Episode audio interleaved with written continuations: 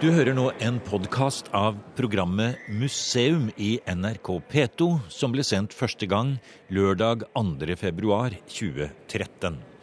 Programmet er et besøk på Kulturhistorisk museum i Oslo sammen med Arne Martin Clausen. Vi møter også overingeniør, fotograf Ann Kristin Eek. Det er mer enn 50 år siden Arne Martin Clausen som ung student kom inn gjennom dørene til Kulturhistorisk museum i Oslo. Veien gikk opp alle trappene til loftsetasjen. Der holdt det eksotiske faget etnografi til, med bare en seks-sju studenter til sammen. Vi ble kalt for Loftsgjengen, sier Arne Martin Clausen. Og det var eh, folk som eh, av en eller annen merkelig grunn hadde funnet fram til professor Guttorm Gjessing, som var uh, sjefen på museet og lederen av, av faget. Og han uh, prøvde å skremme oss vekk fra det, for han sa det at dere får aldri noe å gjøre. Det er hyggelig at det kommer studenter, men her er ingen stillinger i faget. Og de som har stillingene, er relativt unge mennesker. Men uh, vi sto på allikevel, og var så fascinert av dette nye faget som vi kjente da fra litteraturen, den engelske og den amerikanske litteraturen, under betegnelsen kulturantropologi i Amerika eller sosialantropologi i. England. Og faktisk så kan vi vel kanskje si det sånn at du var en av de som var med på og skal vi si, grunnlegger den, den moderne eh, sosialantropologien her i Norge. Det er jo andre navn også, som vi hører der. Fredrik Barth er et kjent navn? Ja, han er jo den store guru. Mm. Og når han var ferdigutdannet i Chicago, så kom han jo hjem til Norge. Og søkte seg en plass innenfor det universitetet i, i Oslo. Mm. Og da han fikk jo et universitetsstipendium. Og da han var ikke ute på feltarbeid, som han var veldig mye, så holdt han forelesninger for oss her oppe på loftet, og det var jo høydepunkter i eh, min utdanning i hvert fall. Dette programmet kunne godt bare ha handlet om Arne Martin Clausen og hans rolle som samfunnsforsker siden 1950-tallet. Vi kunne ha kommet inn på tiden da Clausen grunnla PRIO, Fredsforskningsinstituttet, sammen med Johan Galtung i 1959, eller måten den første generasjons sosialantropologer omformet faget fra et museumsfag knyttet til etnografiske samlinger til en aktiv samfunnsengasjert forskning. Clausen ble professor på Blindern, og har fra 1970-tallet og langt inn på 1990-tallet hatt mange av dagens gjengangere i samfunnsdebatten under sitt kateter. Noen vil vel også si at Arne Martin Clausen er mest kjent for å ha gjort feltarbeid i Norge, blant annet da han observerte det indre livet i Dagbladets redaksjon, eller forsket på Lillehammer-OLs organisasjon. Og siden det er så moderne å se på norsk uhjelp med kritisk blikk, kan vi jo nevne at den første som gjorde det, var Arne Martin Clausen da han tok sin doktorgrad på Kerala-prosjektet i India i 1968. Men det er ingenting av dette som skal være tema i dag. Nå skal det handle om hvordan Clausen oppdaget en annen oppdager.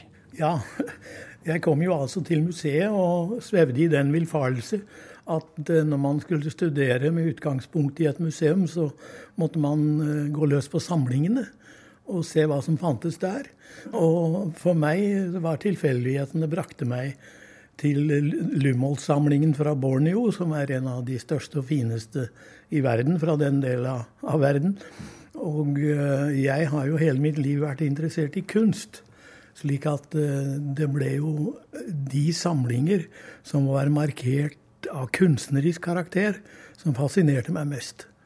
Og da jeg begynte å undersøke nærmere om eh, den da helt ukjente oppdagelsesreisende Carl Sofus Lumholz fra Lillehammer, så kom jeg over hans Borneo-samlinger, som jo er, sett fra et kunstsynspunkt, helt uh, unike.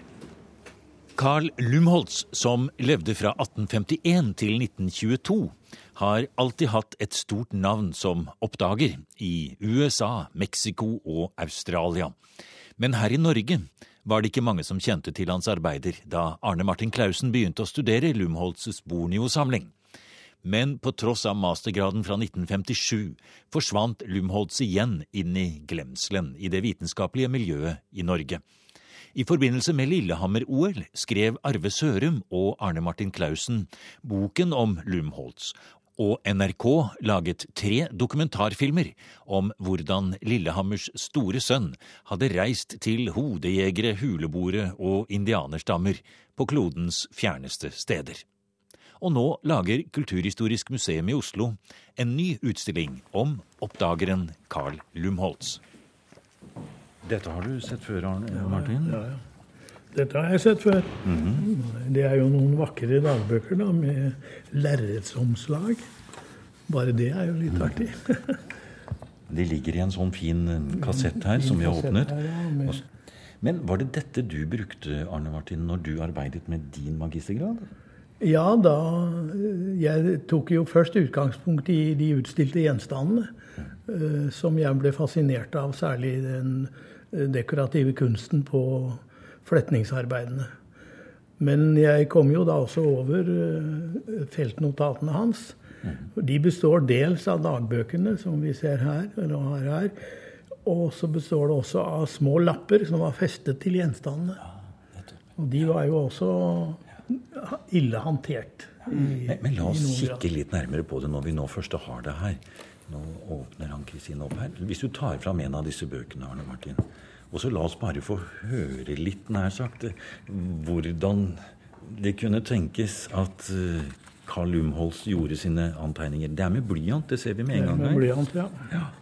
Hva slags språk er han bruker? Ja, Han var vel, må vi si, tospråklig. og han eh, de fleste, og Det meste av stoffet i dagbøkene er jo skrevet på engelsk, men innimellom så kommer det norske sekvenser. Og ofte er de knyttet til regnskaper og mer sånne tekniske informasjoner. Her står det f.eks. The Styrman ja.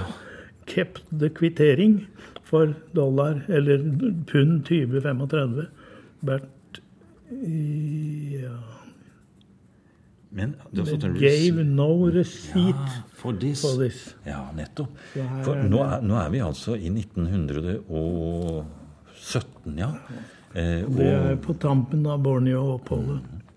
Det er nesten som vi får et lite blikk inn i ekspedisjonens telt her, hvor han sitter her med noen parafinlamper og skriver om kvelden eller et eller annet her. Her kommer vi midt inn i en, eh, et notat han har gjort etter en stor Danser, dansefest. Ja. In the evening, eh, står det her, så var det dans, ja. At least 14 eller 15 forskjellige dansere, skriver han på engelsk her, som very pretty. Mm. De var small girls, ja, som danset rundt der. Så står det at det gjorde de veldig fint, skriver han på engelsk her. Extraordinary well. Eh, noen var veldig grasiøse, står det. Like fairies, som ja. små mm. alver, feer. Mm. Så står det her at eh, Og the, the mature women, står det.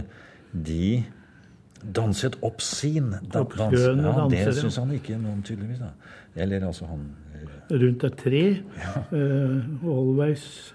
Så alltid uh, imitating. Ja, uh, ja imiterte. coitus. Samleie. Mm. Ja, Jeg sitter denne store oppdageren fra Lillehammer og skriver nede i Borneo. Han har opplevd innfødt dans og ser ja, dette her. Han hadde jo også senere fra Mexico, så gjorde han jo også lydbåndopptak. Uh, og det ble vel brukt under den utstillingen vi hadde her i 93. Også film vel fins vel? Eller? Ja, det, film. han gjorde jo det de mener på den første filmen som ble gjort på Borneo. Ja. Den heter 'Land of the Headhunters'. Eh, og den fins på Royal Geographic Society i London nå. Ann Kristine Eek er fotograf ved Kulturhistorisk museum, og har i mange år arbeidet tett inn på de flere tusen fotografiene Carl Lomholtz tok på sine ekspedisjoner. Til den nye utstillingen har hun samarbeidet med American Museum of Natural History i New York. For ganske tidlig i sitt oppdagerliv flyttet Carl Lumholtz til Amerika. Ja, han hadde fast bopel i New York fra 1890. Och eh, han levde ju där hela sitt liv. Det, vi har ett, ett avisutklipp från 1913 när han var i Lillehammer och holdt föredrag. Och då säger han ju att ja, jag är ju Lillehammer, fra Lillehammer i, i hjertet mitt. Men, men, jeg er nå født sånn at jeg kan være hvor som helst i verden uten at folk slår i hjel. Ja. han, mente, han, mente, han var kosmopolitt på ja. den måten. Og det er jo en god egenskap når vi vet at han eh, fra tid til annen beskrev de stammene han var sammen med som menneskeetere. Ja, det var i Australia. Han kom jo dit på et tidspunkt hvor det var å oppfatte de innfødte, og særlig da i Australia, som uh, urmennesker i en viss forstand. Og de store tenkerne i Europa på den tid brukte jo uh, innfødte i Australia som prototypen på de tidligste utviklingsstadier av menneskeheten. Det var jo gangbar filosofi gjennom hele århundret.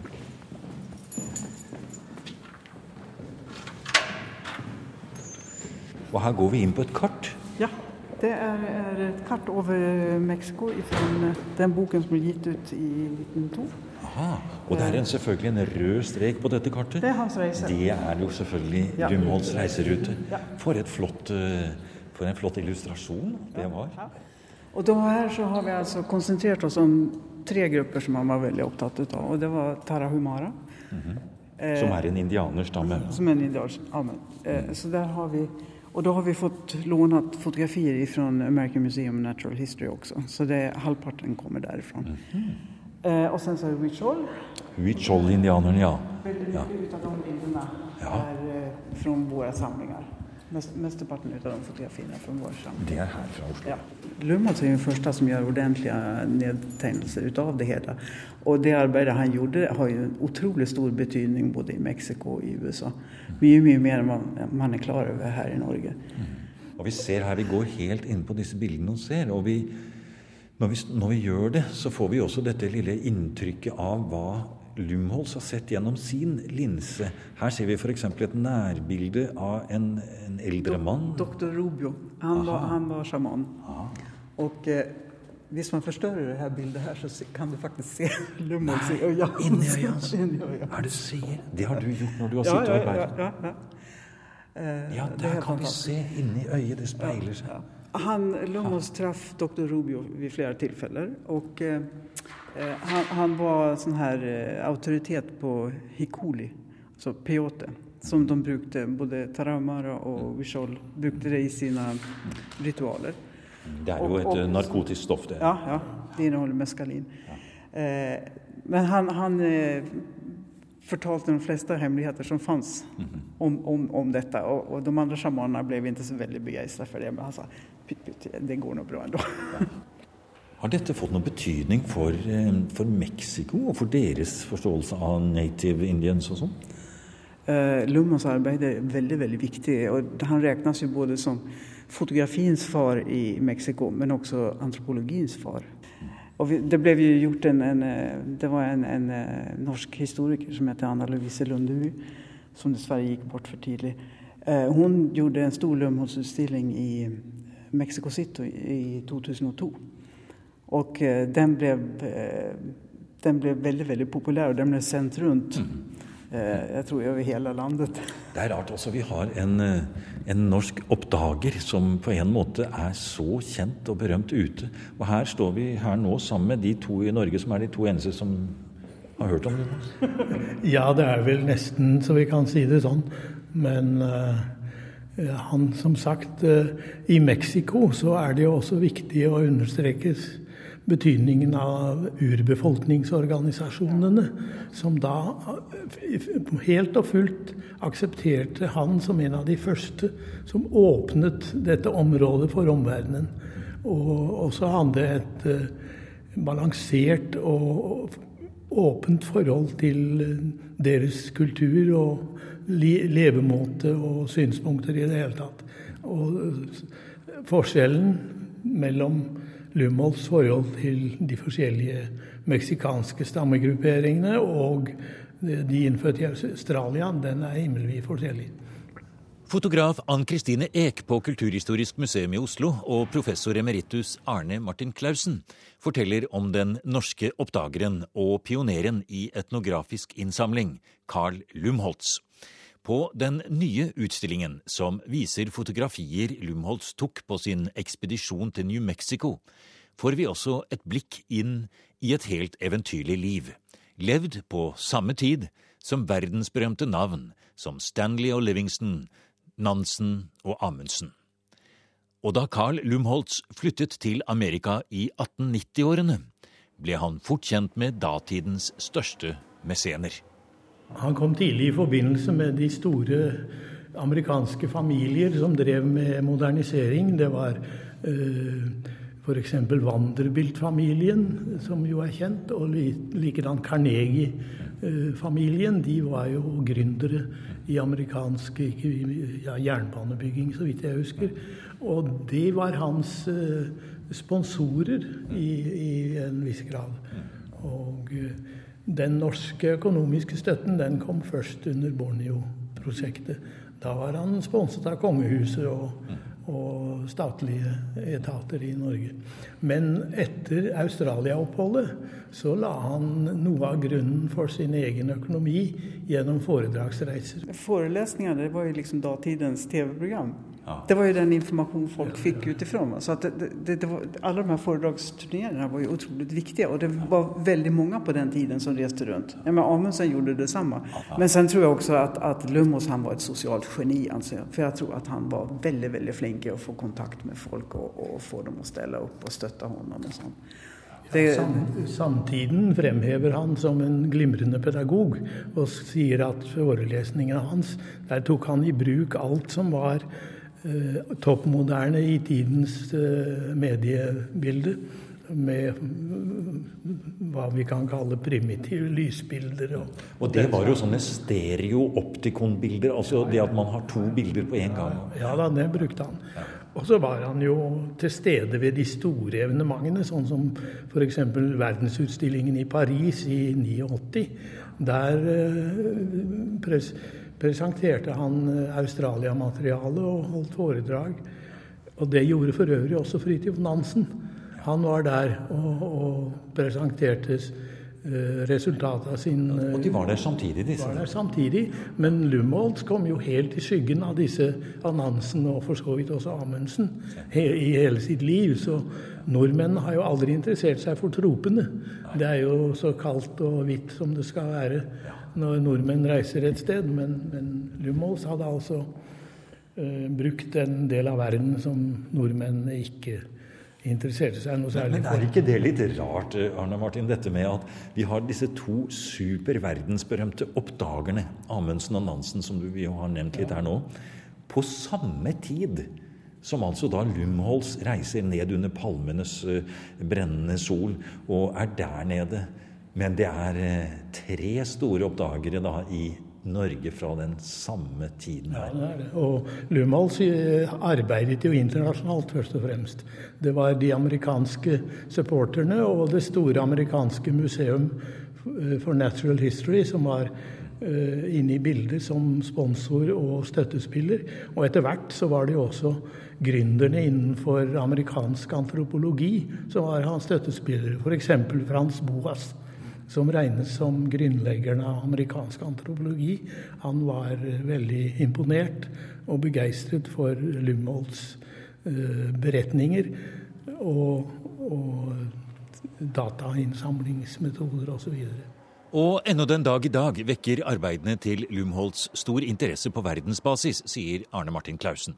Høsten 2012 kom det ut et stort praktverk skrevet av antropologen Bernard Celato fra Musée de l'Homme i Paris. Den handler om ekspedisjonen til Lumholtz til Dajakene på Borneo under første verdenskrig. Og også en utgivelse av fotografiene Lumholtz tok i New Mexico, er under forberedelse i USA. Det som er interessant med Lumholtz, det er jo at han begynte jo i tidens ånd, eh, som så ned på de såkalte primitive folkeslag, og ikke hadde noe særlig respekt for de kulturvarianter som var annerledes enn den vestlige. Og eh, dette kommer tydelig frem i hans eh, bøker fra Australia. Men gjennom hans lange liv, og først og fremst etter studiene i Mexico, så hadde han endret hele holdningen til det fremmede og de eksotiske kulturvarianter. Og hadde en langt større forståelse. Og dette ser vi tydelige eksempler på hvis man eh, tar frem hvordan urbefolkningene fra disse områdene har forholdt seg til eh, Lumholds arbeider. Så er den de kritiske og negative i Australia. Men i Mexico, der har da eh, de innfødtes organisasjoner arrangerte en svær feiring av Lumholds 150-årsjubileum for ankomsten til Sonoraørkenen og, og de eh, stammene rundt omkring eh, i det området. Og den boken som vi snakket om her i sted, som handlet om dajakenes fletningskunst, den er da også utgitt med støtte fra uh, innfødte organisasjoner i, i på Borneo. Og han som har skrevet, eller redigert boken, han Bernard Celato, han uh, trekker jo frem betydningen av denne uh, flettekunsten for uh, dajakkenes nåværende identitetsoppbygging. og ja, Det er ikke snakk om nasjonsbygging ennå, men det kan det kanskje bli. Akkurat som kunsten jo har fungert i andre deler av verden når det gjelder nasjonsbygging. Av en tilfeldighet så ble jeg invitert til å skrive en artikkel om Lumholz i 2006. Eh, det var Southwest Journal i Tucson som skulle gjøre et, et, sånn her års, et 100-årsminnesutgave ut av to ekspedisjoner. Eh, den ene var Lumholz i 1909-1910. Og så begynte jeg å skrive litt og, og sende med litt bilder. Og så sa de oi, send mer. For det meste så skal du kutte ned teksten. Uh, og uh, da fikk jeg tilsendt den her uh, New Trails in Mexico, som, som ikke er oversatt til norsk. Og når jeg begynte å läsa den, så skjønte jeg aha, det er de bildene som har legat oppe på loftet. Oh. Så jeg gjorde en artikel som heter 'The Secret of the Cigar Box'. Ja, Sigarboksens hemmelighet. Ja, Det var en stor eske ja. som inneholdt eh, negativer som de lå rullade, Det var nitratnegativ som lå rullade som sigarer. Ja. Og når jeg begynte å lese den boken, så, så kjente jeg igen dem. Så det er det materialet. Så da ble det et litet eget Klart. studieprosjekt på, på, på, just det materialet. Og, og, det ser vi på veggen her nå. Ja. Mm, så fantastisk. Så dette har du faktisk laget nå til denne utstillingen? Ja. Eh, og det er veldig få av de her bildene som er kjente tidligere. i det hele tatt. Her er det et bilde hvor assistenten til Lumholtz har måttet trykke på utløserknappen. Nei, den, eh, kameraet har stått på stativ, så tydelig hadde han noen form for selvutløser. Ja, for her ser vi nemlig et bilde hvor Lumholtz er med selv på bildet. Ja, ja. Og egentlig så er det en serie på tre bilder. Aha. For da har hun jenta som står her utenfor sitt hus med, med bikkja si og allting sånn. Og så slår hun ihop hendene. Oi, jeg får besøk! Og så har hun eh, stekt noe sånn her eh, Som hun byr frem? Hun har en stekepanne her? Ja, en garbanzos eller noe sånt der, ja. som, som, han kommer fram og, og, og, og spiser ut av. For du ser, han er ganske høy. Ja. Han er nokså lys.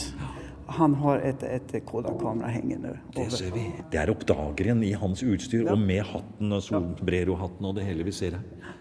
Og store, løse, vide bukser da, og et smil egentlig litt rundt munnen der. Og det virker som de har god kontakt. da. Jeg tror han hadde veldig god kontakt med de folkene han besøkte. Annars tror jeg ikke han hadde kunnet få gjort det han har gjort. Han var, han var jo veldig fascinert av, av, av, landskapet, men han var ikke interessert av å gjøre kunstfotografier, egentlig. Men så, som avslutning i det kapitlet så beskriver han da at, at eh, atmosfæren var helt fantastisk. Det var fantastiske dofter i luften. Det her var i mai. Eh, masse med blomster og allting sånt. Han sa kunne jeg velge et sted der jeg kunne dø, så ville jeg velge det stedet. Så, ja. For det var vel sånn Arne Martin, at eh, Lumholz var en naturromantiker? Ja, helt avgjort.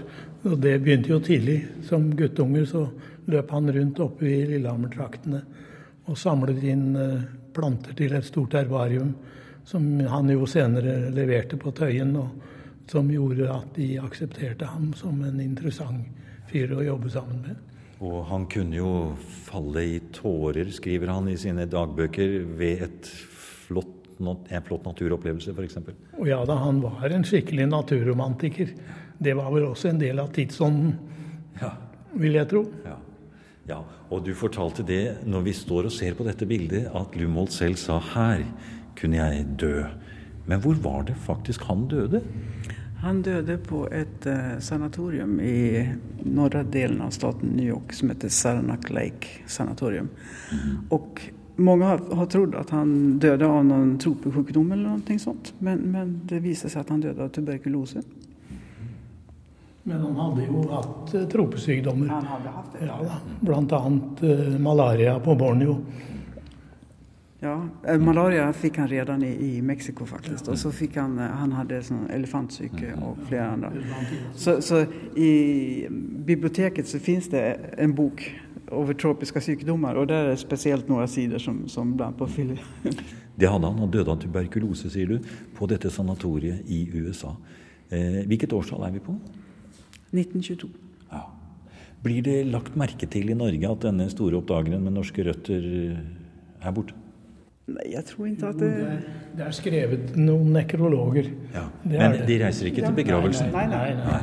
Det er, det, er ikke, Og han, eh, det er et minnesmerke der borte i Saranak ja. som en norsk nordmann oppe på Lillehammer har vært og besøkt. Som heter Per Hoen. Han har skrevet litt om det. Ja. For eh, det var jo, Vi har jo nevnt Nansen og Amundsen tidligere. Da var det statlig begravelse, selvfølgelig, med titusenvis av mennesker i gatene. Men på Lillehammer har han fått en gate oppkalt etter seg. Og så står det jo en skulptur, en byste, nede i Søndre Park. Med en veldig fin innskrift på. Australia, Mexico, Borneo. Du har hørt en podkast fra NRK P2.